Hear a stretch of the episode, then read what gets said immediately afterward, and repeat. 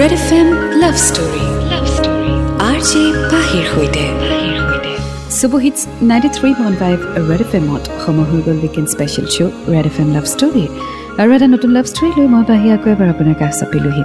আজি যিখন চিঠি হাতত লৈছোঁ সেই চিঠিখন পঠিয়াইছে ৰাজদ্বীপে তেওঁ নিজৰ ষ্টৰিটিৰ নাম দিছে একৈছ number bus.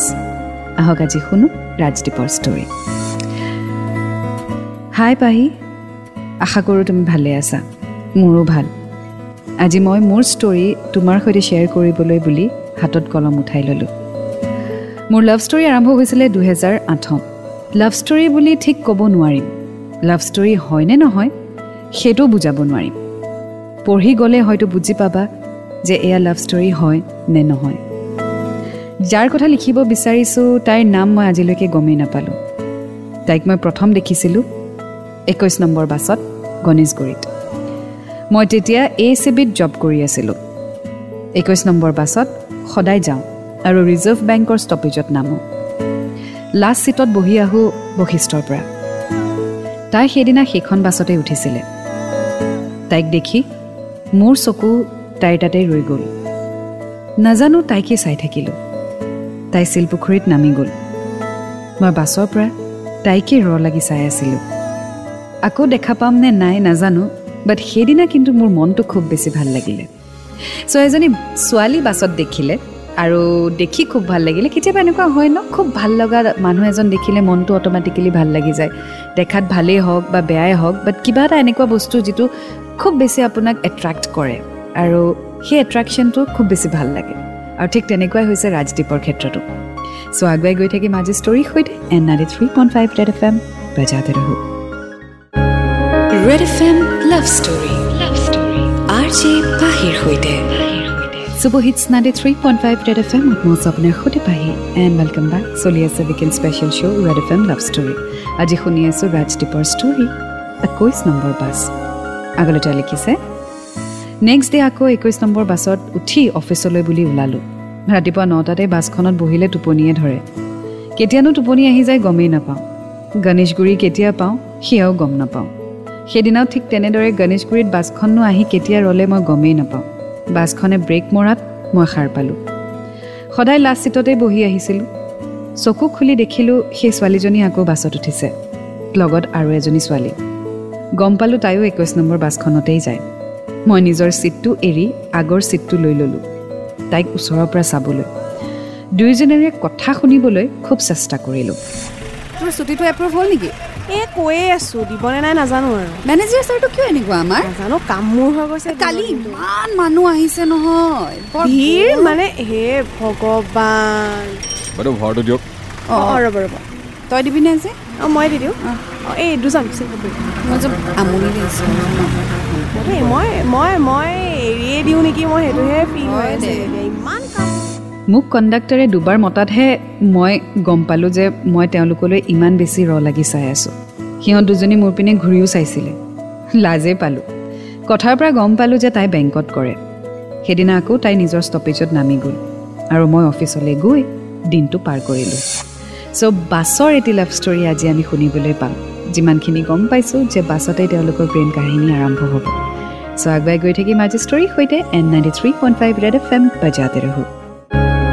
Red F M love story love story R J পাহিৰ সৈতে superhits ninety three point five Red F M হত মৌচ আপোনাৰ সৈতে Pahi and welcome back to weekend special show' Red F M love story শুনি আছোঁ আজি ৰাজদ্বীপৰ লাভ ষ্টৰী একৈছ নম্বৰ বাছ। আগলৈ তেওঁ লিখিছে নেক্সট ডে আকৌ বাছত বহুত আশাৰে ৰৈ আছোঁ তাই উঠিব বুলি। গণেশগুৰি পাওঁতে বহুত আগ্ৰহেৰে ৰৈ আছিলোঁ তাই কেতিয়া উঠিব? তাই আহি পোৱাই নাই। মই ড্ৰাইভাৰক ৰিকুৱেষ্টো কৰিছিলোঁ। যাব দি। যাব দি দুই মিনিটমান নৰখাই নি? আজি দেখোন ইমান দৌৰা দৌৰা যে। দুই মিনিটমান কেলৈ ৰখাব লাগে? এই মানুহ আহি আছে মোক কলিকে আহি আছে। অকণমান ৰৈ দিয়ক। এই দেৰি ৰখাই ইয়াত ট্ৰেফিক হৈ যায়। আপোনালোকে বুজি নাপায়। হ'ব বাৰু ক'ত পাইছে? আহি পাইছে আহিছে আহিছে আহিছে। অঁ বৰ দিগদাৰ দেই এইবিলাক। আপোনালোক সোমাই দিয়কচোন অকণ ভিতৰত সোমাই দিয়ক ভিতৰত তাৰে দুই মিনিটমান পিছতেই তাই আহি পালে। আৰু দৌৰা দৌৰিকৈ তাই বাছত উঠিলে। মোৰ মনটো খুব ভাল লাগিছিল তাইক দেখি। বাছ ষ্টাৰ্ট দিলে আৰু মই জেন্সৰ পেৰেলেল ছিটটোতে বহিলোঁ। মাজে মাজে তাইলৈ চাওঁ বাট তাই হেডফোনত গান শুনি শুনি গৈ থাকে। চ' যদিও ৰাজদ্বীপৰ ছোৱালীজনীক ভাল লাগিছে বাট এতিয়ালৈকে কথা পতাৰ সুযোগ পোৱা নাই।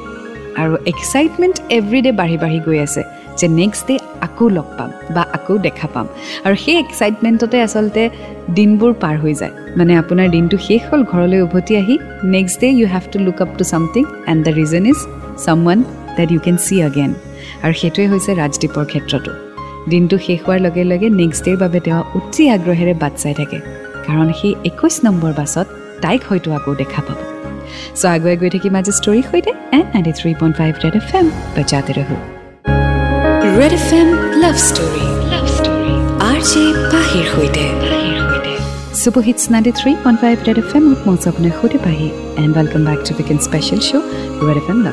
আজি শুনি আছোঁ নম্বৰ বাছ ষ্টৰী আগলৈ তেওঁ লিখিছে কিছু সময় পিছত কণ্ডাক্টৰে পইচা কালেক্ট কৰিবলৈ আহিলে তাইৰ ওচৰত আহি তাইক যেতিয়া পইচা খুজিলে বাইদেউ ভাড়াটো দিয়ক বাইদেউ ভাড়াটো দিয়ক অঁ অঁ অঁ এক মিনিট অঁ এই পাৰ্চটো নানি হেৰি নহয় দাদা অঁ দাদা দাদা। হেৰি পাৰ্চটো নানিলোঁ কালি দিলে হ'ব। এ কালি দিলে কেনেকৈ হ'ব বাৰু? আপোনাৰ মইতো সদায় এইখন বাছতে যাওঁ আপুনি দেখিয়ে থাকে। পাইছোঁ হ'লেও বস্তুবিলাক এনেকৈ নহয় নহয় আৰে মই কাইলৈ দি দিম ন মই যাওকচোন যাওক ভিতৰলৈ সোমাই দিয়কচোন আপোনালোক অলপ অলপ। কাইলৈ দি দিম এনেকৈ। হ'লে এতিয়া চবৰে পৰা যদি এনেকৈ ৰ'ব কৰিবলৈ ৰ'ব ৰ'ব সদায় আহি থকা মানুহ আমি লগেই পাই থাকোঁ হ'ব দিয়ক কিমান নহয় মই দি দিছোঁ মোৰ পৰাই কেনেকৈ দিয়ক দিয়ক সাত টকা।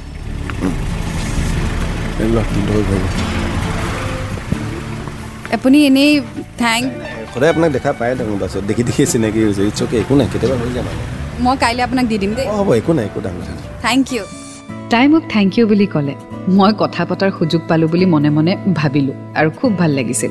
কাইলৈ আকৌ কথা পতাৰ সুযোগ পাম কাৰণ তাইতো পইচা ঘূৰাবই। সেই ফূৰ্তিতেই বাছ জাৰ্ণি আমি কমপ্লিট কৰিলোঁ। একদম সৰু সৰু কিছু মুহূৰ্ত যিটো ৰাজদ্বীপে ৰিয়েলাইজ কৰিছে যে কথা পতাৰ সুযোগ পোৱা নাছিলে বাট ফাইনেলি পইচাৰ কাৰণে সুযোগ এটা পালে। এতিয়া কাইলৈ আকৌ এটা সুযোগ পাব বিকজ তাই পইচা ঘূৰাব। হাউ চুইট ৰাইট চ' কাইলৈ কি হয় জানিবলৈ অকণমান অপেক্ষা কৰক and ninety three point five Red F M বাজাতে ৰহো। Red F M love story love story R J পাহিৰ সৈতে।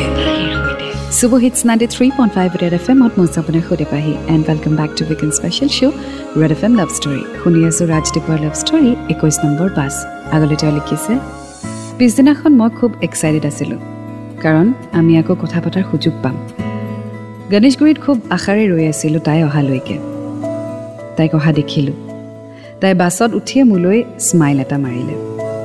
মোৰ সেই সময়ৰ ফিলিংছ তোমাক বুজাব নোৱাৰিম। তাই বহিয়ে পাৰ্চৰ পৰা পইচা উলিয়াই মোক দিলে আৰু মই সুযোগ পালোঁ তাইৰ সৈতে কথা পাতিবলৈ। এইটো থেংক ইউ ছ' মাছ নহয় মানে কালি ইমান দৌৰা দৌৰি হ'ল পাৰ্চটোৱে আনিব পাহৰি থাকিলোঁ। হৈ যায় কেতিয়াবা একো নাই। হা। বাকী আপুনি গণেশগুৰিতে মই গণেশগুৰিত। আপুনি? মই ছয় মাইল। অঁ অঁ। আপুনি বেংকত কৰে চাগে ন? অঁ কেনেকৈ গম পালে? আপুনি সিদিনা কলিকাৰ লগত কথা পতা শুনা পালোঁ। অঁ আচ্ছা। আপুনি ক'ত কৰে? মই এ এ চি বিত কৰোঁ অ' আচ্ছা আচ্ছা তেতিয়াহ'লে কাৰেণ্ট গ'লে আপোনাকে ফোন কৰিব। ঠিক আছে। অলপ কথা পাতি তাই আকৌ হেডফোনডাল কাণত লগাই ল'লে আৰু গান শুনা আৰম্ভ কৰিলে।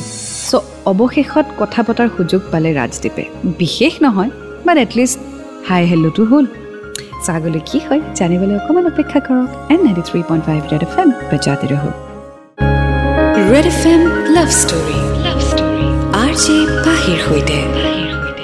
Superhits ninety three point five Red F এমত মই আছোঁ আপোনাৰ সৈতে পাহি এণ্ড ৱেলকাম বেক চলি আছোঁ weekend special show' Red F M love story আজি শুনি আছোঁ ৰাজদ্বীপৰ ষ্টৰী একৈছ নম্বৰ বাছ।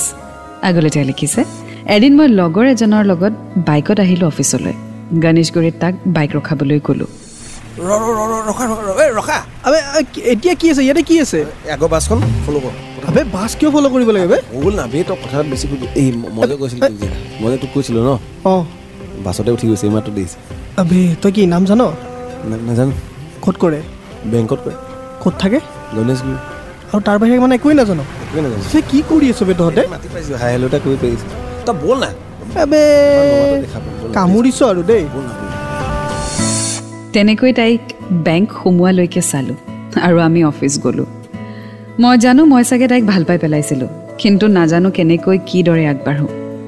এনেকৈয়ে দিনবোৰ পাৰ হ'ব ধৰিলে। তাইক বাছত দেখোঁ হাই হেল্ল' কি খবৰ? বাছ তাতকৈ আৰু আগবাঢ়িব পৰাই নাই। ৱেল কেতিয়াবা এনেকুৱা হয় যাক আপুনি একেবাৰেই কাৰো থ্ৰু দিয়ে চিনি নাপায় বাট একদম ৰেণ্ডমলি আপোনাৰ সৈতে চিনাকি তেওঁৰ লগতনো আপুনি কি বুলি কথা পাতিব? মানে বেছি ফাষ্ট হ'লেও হয়তো আপোনাক জাজ কৰিব বা বেছি শ্ল' হ'লেও হয়তো আপোনাৰ দেৰি হৈ যাব। এনেকুৱা চিটুৱেশ্যনত বিৰাট দিগদাৰী হৈ যায়।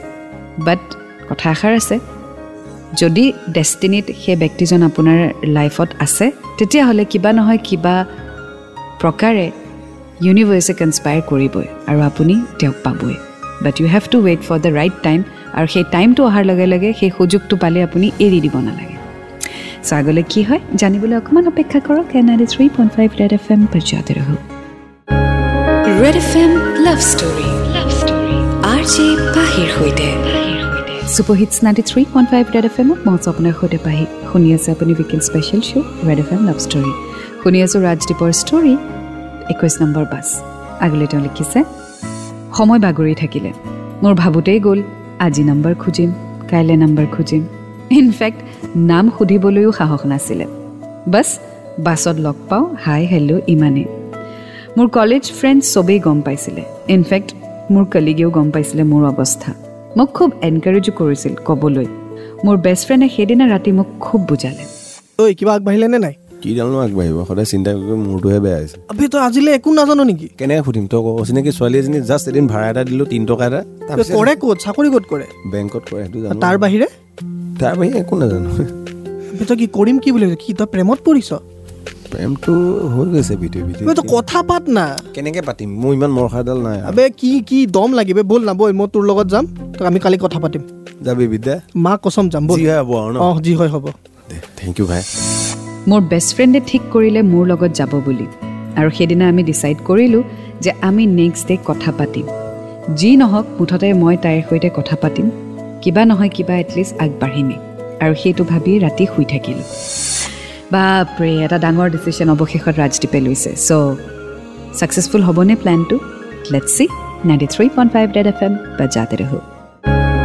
Red F M love story love story R J পাহিৰ সৈতে। Superhits ninety three point five Red F আপোনাৰ সৈতে পাহি। শুনি আছে আপুনি weekend special show' Red F M love story আজি শুনি আছোঁ ৰাজদ্বীপৰ ষ্টৰী একৈছ নম্বৰ বাছ। আগলৈ তেওঁ লিখিছে সেইদিনা আমি দুয়ো একেলগে গ'লোঁ। একৈছ নম্বৰ বাছত আমি লাষ্ট ছিটত বহি আছিলোঁ। গণেশগুৰি পাওঁতে আমি তাই অহালৈ ৱেইট কৰিলোঁ। তাই নাহিলে। মই তেতিয়া মোৰ লগৰজনক ক'লোঁ ঐ ক'ত বে? সেইডালটো সদায় আজি বা কি হ'ল? বাছো যাবলৈ হ'ল বে। আবে ব'ল ব'ল ব'ল। আৰু ক'ত ক'ত আছিলে? বেংক ক'ত আছিলে? কাম কৰোঁ শিলপুখুৰীত আমি নামি দিওঁ ব'ল। ব'ল ব'ল ব'ল। উঠ জল্দি উঠ। এই তাইৰ বেংকটো ক'ত আছিলে? শিলপুখুৰীত নামে বুলি জানো। বেংকটো কি? সেইটো নাজানো আবে তই আজিলৈ এইটোও নাজান। না শিলপুখুৰীত কেইটা বেংক আছে প্ৰতিটো মুখত অকণমান চাই কিমান বেংক থাকিব? মা কচম। ব'ল না। ব'ল আৰু কথামতে আমি শিলপুখুৰীত নামিলোঁ। তাইৰ বেংকৰ পিনে আমি গ'লোঁ। সেইদিনা বেংকত কিবা আছিলে চাগে। বাহিৰত বহুত বেলুন লগোৱা আছিলে। ভিতৰত যাওঁ নাযাওঁ কৰি থাকোঁতেই তাইক দেখা পালোঁ। তাই নিজে আগুৱাই আহিলে আৰু মাত দিলে। আপোনালোক ইয়াত যে? অঁ আপুনি দেখোন এই হেৰি মানে এই মোৰ লগৰ দেই।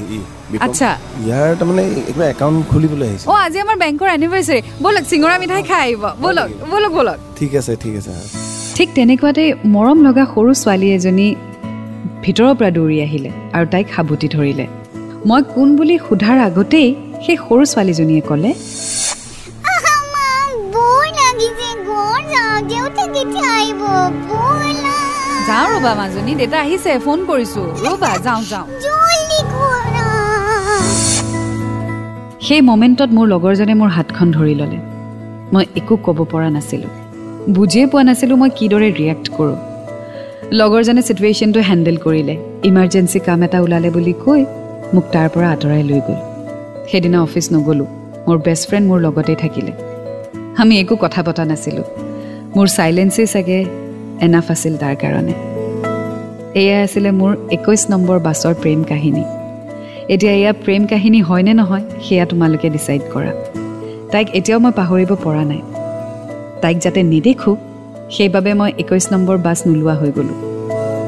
বাইক ল'লোঁ আৰু বাইকত অহা যোৱা কৰোঁ। আজি দুহেজাৰ বিছ চন হ'ল এতিয়ালৈকে কিন্তু তাইক মই দেখা নাই আৰু দেখিবও নিবিচাৰোঁ।